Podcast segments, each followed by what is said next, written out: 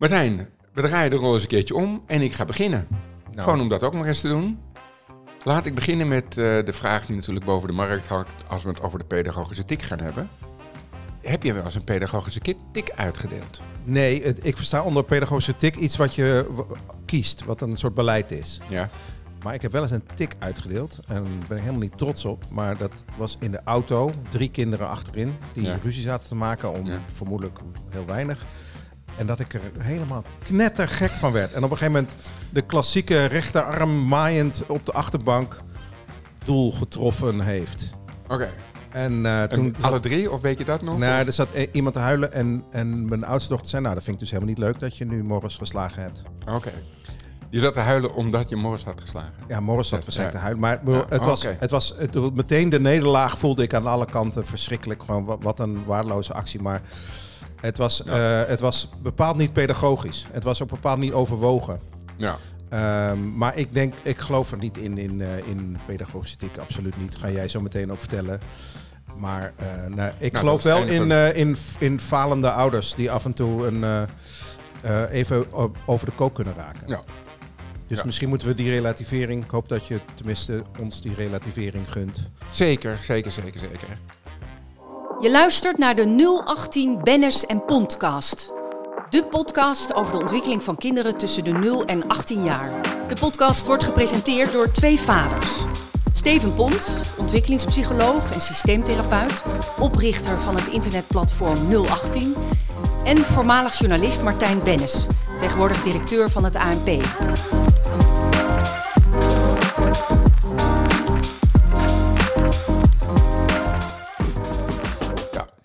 Nee, ik, heb niet, niet geslagen, maar ik heb ook wel eens een van mijn kinderen stevig opgepakt en op de, op de bank gezet. En hem wel even verteld. Ik zag dat hij spuugde naar een ander kind. En toen knapte er ook even iets in mij. Dus eh, er is geen ouderschap waarbij je niet af en toe eh, alleen de vraag hoe vaak en de mate waarin, waarin de grens eventjes overschreden wordt. En dan is ook weer de vraag hoe je daarmee omgaat. Maar goed, we gaan het hebben over de pedagogische tik. Ja, heb je nog een quote? Eh, ja, ik heb een quote gevonden. Eh, die gaat niet zozeer over de pedagogische tik, maar meer over eh, vormen van mishandeling. Die quote komt van Fons Jansen, een lang geleden overleden cabaretier. En die zei, als ze mij vragen waar bestond die kindermishandeling dan uit? Dan zeg ik, uit de biecht en het eindexamen. Oké. Dat is een beetje een grapje, maar wat hij bedoelt, en daarom heb ik hem uitgekozen, Ja. is eh, dat je natuurlijk allerlei manieren hebt om kinderen het leven zuur te maken. En die ervaren dat ook op hun manier. Ja. En ik kan me voorstellen, mijn vader moest ook de biecht eh, doen. En als hij dat niet deed, zat er een gaatje in zijn ziel. En Ja. door- hè, de, Ja. een nare, enge, eh, Ja. bedreigende constellatie. Hè? Dus eh, heeft hij volgens mij ook best last van gehad. En dat is ook een vorm van kindermishandeling. Dus eh, nou, dat vind ik misschien wel interessant om, om vanaf de pedagogische tik ook andere vormen van zeg maar alledaagse Zeker. mishandeling of, of minder goede behandeling, Ja. laat ik het zo noemen. Ja, hè. ja, ja. Nee, we gaan niet naar de zware. Hè, dus binnen het ouderschap, eh, eh, nou, de, de, de, ra- de randen daarvan. Oké, de pedagogische tik. Ja. Suggereert al, Objection, Your Honor. ja, Ja, meteen al. wat is er met. Nou, er zit niet zo heel veel pedagogiek in de pedagogische tik. Laten we het, het is eigenlijk de corrigerende tik. Dit zit, in, de, in het slaan zit niks pedagogisch. Ga door. En Maar dan gaan we het vanaf in- nu hebben over de corrigerende tik. Ja, maar in corrigerend zit wat mij betreft nog steeds die vergoeilijking, die rechtvaardiging. Ik ben iemand aan het corrigeren. Ja, En terug naar de pedagogische tik dan. Nou ja, Ja. Nee, en pedagogisch zit juist het ellende dat je dus eh, eh, dat doet vanuit het idee dat je, dat je je kinderen daarmee opvoedt. Ja, Dus het lijkt mij gewoon dat we het moeten hebben over, over een tik die met, met een zekere gedachte wordt uitgedeeld. ja. En dan is meteen mijn vraag, is er enige rechtvaardiging? Of zijn er mensen die zeggen, ja maar dat kan best zijn dat, het, dat jullie allemaal zeggen dat het geen goed idee is, maar misschien is het toch wel een goed idee. Ja, die zijn er. er En wat is dan hun argumentatie? Nou, hun argumentatie is dat het werkt. En dat eh, zijn onderzoekers. Hè? Dat zijn niet mensen. Dat wordt dan onderzocht. En zij claimen dat het ergens tussen hè, tot zes jaar... Dat, ehm, nou, dat het geen blijvende schade En wat werkt dan eigenlijk? Nou, dat het gedrag wordt aangepast. Dus dat, dat datgene wat je wil. Alleen, eh, eh, er zijn nog meer onderzoeken, om het zo maar even te zeggen, met name op het gebied van hechting, waaruit blijkt dat lichamelijk geweld natuurlijk heel veel, lichamelijk, uh, heel veel negatieve gevolgen heeft voor de psychosociale ontwikkeling verder en ook voor de cognitieve ontwikkeling, omdat je in onveiligheid, hè, in psychosociale onveiligheid, uh, kun je minder goed leren. Dus je cognitieve vermogens, dus het, alles heeft altijd met alles te maken bij die kinderen. Ga er maar vanuit, wat mij betreft, niet doen. Ja, precies. Want we gaan nu niet een debat hebben over de voor- en nadelen van, nee. uh, van slaan. Volgens mij stellen we vast, en uh, blijkt uh, uit van alles en nog wat, dat pedagogische tik helemaal niks pedagogisch heeft. Ja. Sterker nog, het is verboden. Ja, ja. Dus in, sinds 2007 is het in, uh, in Nederland uh, verboden. In heel, bijna alle Europese landen is het verboden. Op een paar landen na, Tsjechië, Italië, België.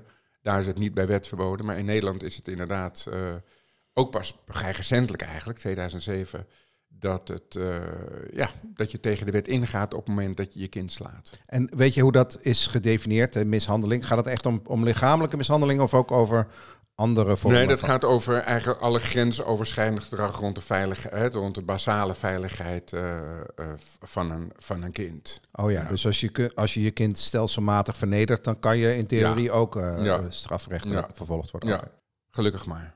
Goed, dus de pedagogische tik uh, is, uh, is uh, geen goed idee. Laten we nog een beetje verder gaan over wat doe je als je dat regelmatig doet.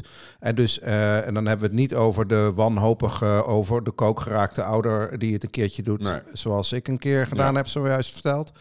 maar over de, de ouders die dit als onderdeel van hun opvo opvoedmethodiek hebben. Dus ja. wat, wat doe je dan? Wat, wat gaat er dan op een gegeven moment wel degelijk mis? Ja, nou ik hou er altijd van, als we het over dit soort dingen hebben, om patronen van incidenten te scheiden. He, want uh, kinderen zijn best veerkrachtig als het om incidenten gaat. Maar als het zo vaak voorkomt dat kinderen een patroon gaan herkennen, op dat moment gebeurt er meer. Bijvoorbeeld, als je vaker een tik krijgt, dan krijg je die tik veel vaker dan je daadwerkelijk krijgt, omdat elke keer dat er dreiging er is dat je hem zou kunnen krijgen, is ook een angstreactie. Dus je hoeft er maar één op de honderd keer te krijgen dat je denkt, oh nu krijg ik hem. En dan heb je dus ook die schrikreactie en al het andere wat daarachter vandaan komt. Dus een van de dingen is dat er nogal wat relatieschade uh, oplevert tussen ouder en kind. Uh, waarbij kinderen zich of onderdaniger gaan gedragen. Daar hebben we het bij hechting ook over gehad. Hè? Dus veel meer tegen de ouder iets onderdanigs krijgen om die klappen te vermijden. Of het gaan vermijden. Hè? Dus bijvoorbeeld door uh, geen dingen meer te vertellen of door veel uit huis te zijn. Of allerlei copingmechanismen uh, organiseren om daar niet meer mee in aanraking te komen. Maar daardoor worden ze eigenlijk losgezongen van de relatie, van de goede relatie die ze met de ouders hadden kunnen hebben. En die goede relatie is weer noodzakelijk om uh, het leven te leren. Het leven wordt namelijk met name geleerd via modeling. De, dus je kunt uh, je kind leren, je mag niet slaan. Maar als jij je kind dan slaat, dan luistert een kind niet naar wat je zegt, maar die kijkt naar wat je doet. Ja. Hè? Dus, uh, en als die ziet dat je dat doet, dan wordt hij daarin gesocialiseerd. Hè? Dus dan wordt hij op die manier groot gebracht. Wat we dan terugzien bijvoorbeeld, is dat kinderen die veel uh, geweld meemaken thuis, verbaal of non-verbaal, dus fysiek, dat die op school ook veel meer pesten. Want die krijgen, die worden gesocialiseerd in het idee, je moet in het leven ervoor zorgen dat je de macht hebt. Want als je boven komt drijven, dan alleen boven is het veilig. Dat is wat je dan leert. Uh, en dat kan door twee manieren, namelijk door ofwel uh, zorgen dat je boven komt drijven of anderen naar beneden te trappen in de klas bijvoorbeeld. Dus we zien dat kinderen die op die manier groot worden, ook hun rest van hun systeem, dus de klas of broertjes en zusjes, ook op die manier gaan bejegenen, omdat dat is de manier waarop ze het leven hebben voortgeleverd gekregen.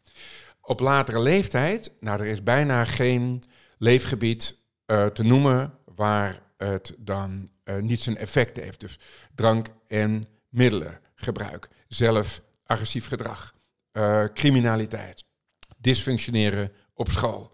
Al dat soort dingen uh, uh, zien we meer bij kinderen die thuis als patroon vaak met geweld te maken hebben. Ja, en dan kom ik toch een beetje op eh, ik snap dit heel goed. Hè? Dus Ja. dit soort mishandeling is heel duidelijk. Hè? Dus ja. Eh, als je dan niet je kind slaat, maar wel heel vaak toeschreeuwt. Ja. Dus ehm, krijg je dan eigenlijk niet hetzelfde effect. Het gaat om de dreiging. Precies. En de angst die daarachter zit. ja, Ja, de vernedering of de angst. Hè? Dus iets met macht willen, willen bereiken. Ja. En dan. Nee, maar je kan best iets met macht, maar er is hè, dus zachte macht. eh, ik, heb, ik, ik begrijp wat je wil, maar we gaan het niet zo doen. Is zachte macht. Hè? Dus iemand een, een klap geven is harde macht. Dus je. Ja. kunt best, hè, de zachte macht zou je ook gezag kunnen noemen. Dus dat je wel degelijk, het is een hiërarchische verhouding die we met kinderen hebben. Het is geen symmetrische verhouding, we staan daarboven. Eh, niet alleen in de macht, maar ook vooral in de zorg natuurlijk. Eh, en dat moeten we ook niet eh, ontkennen. Alleen de vraag is even hoe we die hiërarchie vormgeven. En door, doordat je dan denkt, dan heb ik recht op geweld, dat gaat net te ver. Kijk, dat het af en toe, dat het af en toe gebeurt, dat is een beetje all in the game. Daar hebben we het eerder over gehad. Maar de vraag is, oké, het is gebeurd. Hè, dus je, bent heel boos geworden tegen je kind. En is het van groot belang dat je daarna eh, dat weer goed maakt. En dat komt dus bij jou vandaan. Want jij bent de grens overgegaan. Dat je niet denkt, nou, als mijn kind er niet over begint, begin ik er ook niet over. Want je wil leren ook aan je kinderen, hey, het kan gebeuren in het leven dat je de grens overgaat. Dat gebeurt. Maar hoe ga je er daarna mee om? En dan zeg je van, nou, eh, sorry, dat had ik niet moeten doen. En nu komt een crux, überhaupt ook in het volwassen leven, dat, eh, dat is best moeilijk trouwens, dat een excuus niet weer een reden in zich draagt. Dus sorry dat ik zo tegen je tekeer ging, maar had je ook maar even... Hè? maar je was ook heel lastig. ja. Hè, dus nee, want dan vergoel ik je het alsnog. Je zegt van, nou, dat had ik niet moeten doen. Maar dit geldt Dus- eigenlijk niet alleen voor die, die tik, maar ook voor ehm, ja, harde vorm van conversatie, hè, waar dus, eh, waar dus dat, Ja. dat harde machtfactor in zit. Als je denkt, dit heeft er al, hè, dus dat is een beetje een zware term, eh, maar dit heeft een zekere mate van relatieschade betekend. En dan kunnen kinderen, kunnen kinderen nogmaals best wat hebben. Ik bedoel, het zijn niet. eh, maar op het moment dat het in het patroon terechtkomt of het is te heftig, dan zijn wij, omdat we in hiërarchie zitten, verplicht vanuit onze zorg dat weer recht te strijken. Ten eerste om het weer veilig te maken en ten tweede om te laten zien dat hey, het gebeurt af en toe, maar dan ga je er op die manier mee om. Ja, precies. Het komt een beetje ehm, kinderen ook niet te veel als al te tere zieltjes moeten behandelen misschien. Hè? Dus ik zie ook wel eens van ja, je- het gaat, maakt heel erg uit welke woorden je precies gebruikt. Hè? Dus als je zegt van rotjoch, nee, dan moet je zeggen, eh, jij bent nu niet eh, helemaal eh, fijn. Of door? Ja. Dus ehm, is dat inderdaad belangrijk dat je, Ja. dat je de juiste terminologie gebruikt? Ja, maar het, kijk, als een kind vertoont grensoverschrijdend gedrag, want jij hebt een grens, daar gaat hij overheen. Als hij er niet overheen zou gaan, zou je niet boos worden. En eh, vervolgens gaan wij ook een grens over soms, eh, als reactie eh, daarop. En dan is het wel inderdaad, hè, dus wel van belang dat je het gedrag veroordeelt, maar niet het kind, het, het kind zelf. Hè. Dus als je zegt, ik vind het vervelend dat je dit doet, dat is wel degelijk iets anders dan dat je zegt, wat ben jij een vervelend kind. En dat, Dat ben een je kind, toch hoort dat ook kind. anders. Nee, denk En ik. ja, want gedrag kun je, kun je veranderen, Ja. maar wie ik ben, kan ik niet veranderen. Dus als ik tot in de diepst van mijn wezen word veroordeeld, hè, dus echt naar mijn kern, dat het daar niet deugt, eh, en dat is bij slaan altijd zo, dat gaat echt naar je kern. Terwijl als je zegt, ik vind het gewoon vervelend als je dit doet, dan gaat dat veel, dat voel je ook. Hè? Dus dat, daar, kan je, daar zit een, het bordje, nood, bordje nooduitgang hangt daarboven. Zo van, oké, maar dus als ik, dan, als ik die route neem, dan kom ik daar ook uit. Dan, terwijl... eh, je bedoelt, dan, je toch- dan heb je nog een ma- manier om, om te ontsnappen, om te ontsnappen, aan dat ja. oordeel. Terwijl als je zegt, wat ben je toch een vervelend mannetje? Ja, dan maakt het niet meer uit wat ik doe, want ik ben een vervelend mannetje. Ja, oké, maar dat gaat wel uit van de veronderstelling dat kinderen dat onderscheid ook haarfijn horen. Ja, maar ik, ehm, ik ga er wel van uit ehm, dat, dat eh, ook in de intentie en de intensiteit waarmee dat dan wordt eh, gezegd, dat dat uitmaakt, ja. Oké. Ja. Even terug naar de pedagogische tik. Dat is natuurlijk eeuwenlang eh, ge- gebruikt. Nou, Ook door leraren. Ja. Ja. Dus van, zou je nog, zeggen, hè? In nog hele steeds, grote delen van de wereld. Ja. zou je zeggen, die mensen die in de vorige eeuw en die eeuw daarvoor zo regelmatig pedagogisch doen, die hebben, die hebben kwalitatief ook een minder fijn leven gehad daardoor. Zou je zeggen dat dat het geval is? die zijn verhard. Dus in het leven, dus vertellen wat er werkelijk in je speelt. Of eh, durf eh, kwetsbaar te zijn. En, eh, en zeg van ja, dit vind ik moeilijk. Of dat is toch wel een fijn onderdeel van het bestaan. Dat er mensen in je omgeving zijn bij wie je niet eh, alleen maar lief, leuk, goed en aardig hoeft te zijn. Maar dat ik ook zeg, nou, ik, eh, ja, dat, dat kan ik niet, of dat wil ik niet, of wat dan ook zonder. Of dat voelt niet goed, weet ik het allemaal. Dat die wat zachtere kant, dat die er ook, eh, ja, dat is ook onderdeel van, van wie we zijn. Nou, en als je vaak vernederd wordt, dan lijken die wat zachtere kant van je, die, die verhardt. Waardoor ook weer als zo'n verhard persoon weer kinderen op gaat voeden, dan gaat dat op dezelfde manier. Hè? Dus dan krijg je een soort, dat noemen we de doorgegeven rekening. Hè? Dus die Ja. gaat dan intergenerationeel wordt die, wordt die doorgegeven, waarin je leert, je moet gewoon eh, hard en stoer en eh, wat al niet zijn. En eh, als het fout gaat, krijg je gewoon een hengst. Het andere nadeel is dat als je een hengst krijgt, of, dan weet je wel wat je niet goed hebt gedaan, maar je krijgt geen alternatief van hoe het wel zou kunnen. Terwijl deel van de opvoeding is niet alleen maar van dit niet, maar natuurlijk ook een beetje wat dan wel. Wat is dan wel in het acceptabele? Nou, en eh, dat gaat eerder via een beetje pedagogisch goed contact dan dat je iemand tot in zijn kern vernedert, eh, ofwel door diegene te slaan of door nare dingen tegen diegene te zeggen. En ik, ik probeer een beetje aan de andere kant van de boot te gaan zitten. Maar Ja. er is, is eh, mensen die zeggen, ja, maar je hebt toch ook een zekere hardheid nodig om het leven aan te kunnen. Ja? En dus, ja, niet alles is, is keurig netjes afgewogen, keurig netjes geformuleerd. Nee, maar je kan lief hard zijn. Je zegt, wat ik, hè, dus je kunt een, een harde boodschap gewoon ferm, ik hou heel erg van het woord ferm, eh, je kunt een, een, boodschap ferm brengen. Kijk, streng vind ik liefdeloos en ferm vind ik liefdevol streng. Je zegt van, ja, dat weet ik. Ik weet dat jij dat wil, maar we gaan het niet doen. Maar ik heb wel naar je geluisterd. Dus je, van belang wat je inbrengt, maar omdat we in een hiërarchische positie zitten, dat, hoef, dat zeg je dan natuurlijk niet, maar gewoon omdat dat de realiteit is. eh, en toch gaan we, gaan we nu weg, zeg maar wat. Ja, dat snap ik. Maar eventjes doordraven, hè, die, op een gegeven moment zitten die kinderen ergens op werk en dan zegt hun, eh, hun manager, die zegt, vind je werk gewoon onvoldoende. Vind De je niet- kinderen zitten op hun werk. Ja, die kinderen die zijn Oh, volwassen mensen geworden en, ja, die, ja, ja. en die gaan naar een werk en die krijgen te maken met een manager die zegt van ik vind je werk gewoon onvoldoende. Ja. En mm, die vinden dat intimiderend. Ja. Nee, maar dat er, het, kijk, er is een hardere wereld. De vraag is even of de ouders hard moeten zijn. Dus dat, Om ze voor te bereiden op die hardere wereld. Ja. Dat zeg ik even dus- als... Ja, dus dat, dat je eh, als je eh, bij, de, bij de Albert Heijn gaat werken en dan heb je een stevige manager. eh, nou, dat is hartstikke goed. Dat je die tegenkomt als je gaat werken. De vraag is of de beste voorbereiding daarop is dat je ook als ouder dan heel hard bent. En het antwoord is Nee. nee.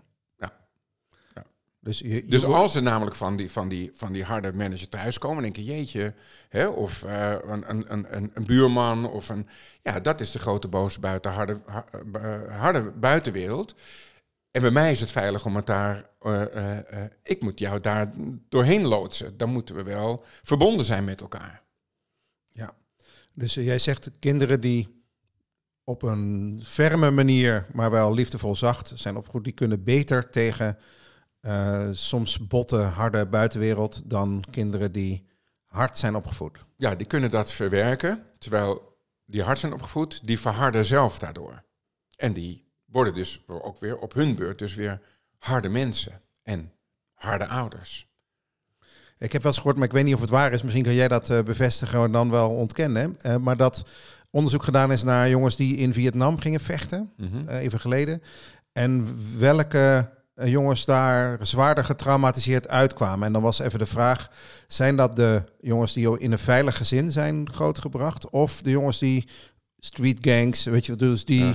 het harde leven eigenlijk al eh, goed ondervonden hadden? En wat kwam eruit? Nou, het, het, wat eruit kwam, eh, maar dat, dat klopt wel met jouw verhaal, is dat dus de, de veilig gehechte, ik ga bijna jouw terminologie overnemen hier, Mhm. eh, maar dat die daar beter uitkwamen. Ja. Dat, ze, dat ze beter konden dealen met dat extreme wat ze hadden meegemaakt. Ja. Dus die hebben die zachte kant meegekregen in hun opvoeding. Ja, en dan bereid je beter voor op de verwerking van de hardheid van de wereld. Ja. Oké, dus vanaf de pedagogische tik, dus die is simpel, niet doen. Eh, maar daarna eh, zeg je eigenlijk tegen ouders, ja, vergeef jezelf misschien een keer een ontsporing, maar als het gaat om systematisch eh, met je kind omgaan, stel die relatie op één. ja, En dus alles wat je, wat je in een normale relatie zou doen, eh, doe dat ook met je kinderen. precies. Dat zeg je mooi. Waarom zou, als, als, als ik iets naars tegen jou zeg, en ik, oh, dan bied ik mijn excuus aan jou uit, aan, waarom dan niet bij een kind? Omdat dat, dus dat is niet iets, dat is niet een vernedering om je excuus aan te bieden. Het is een, je herhecht, als het ware. Nou, en dat is een heel groot goed om aan je kinderen voor te leven. Soms ontspoort het. Dat is niet interessant. De vraag is, hoe ga je om met de ontsporing? Kan ik je nu een dreun geven? Je hebt geluisterd naar de 018 Bennis en Podcast. Heb je vragen of suggesties? Mail dan naar podcast.018.nl 018 schrijf je als NUL en dan het getal 18.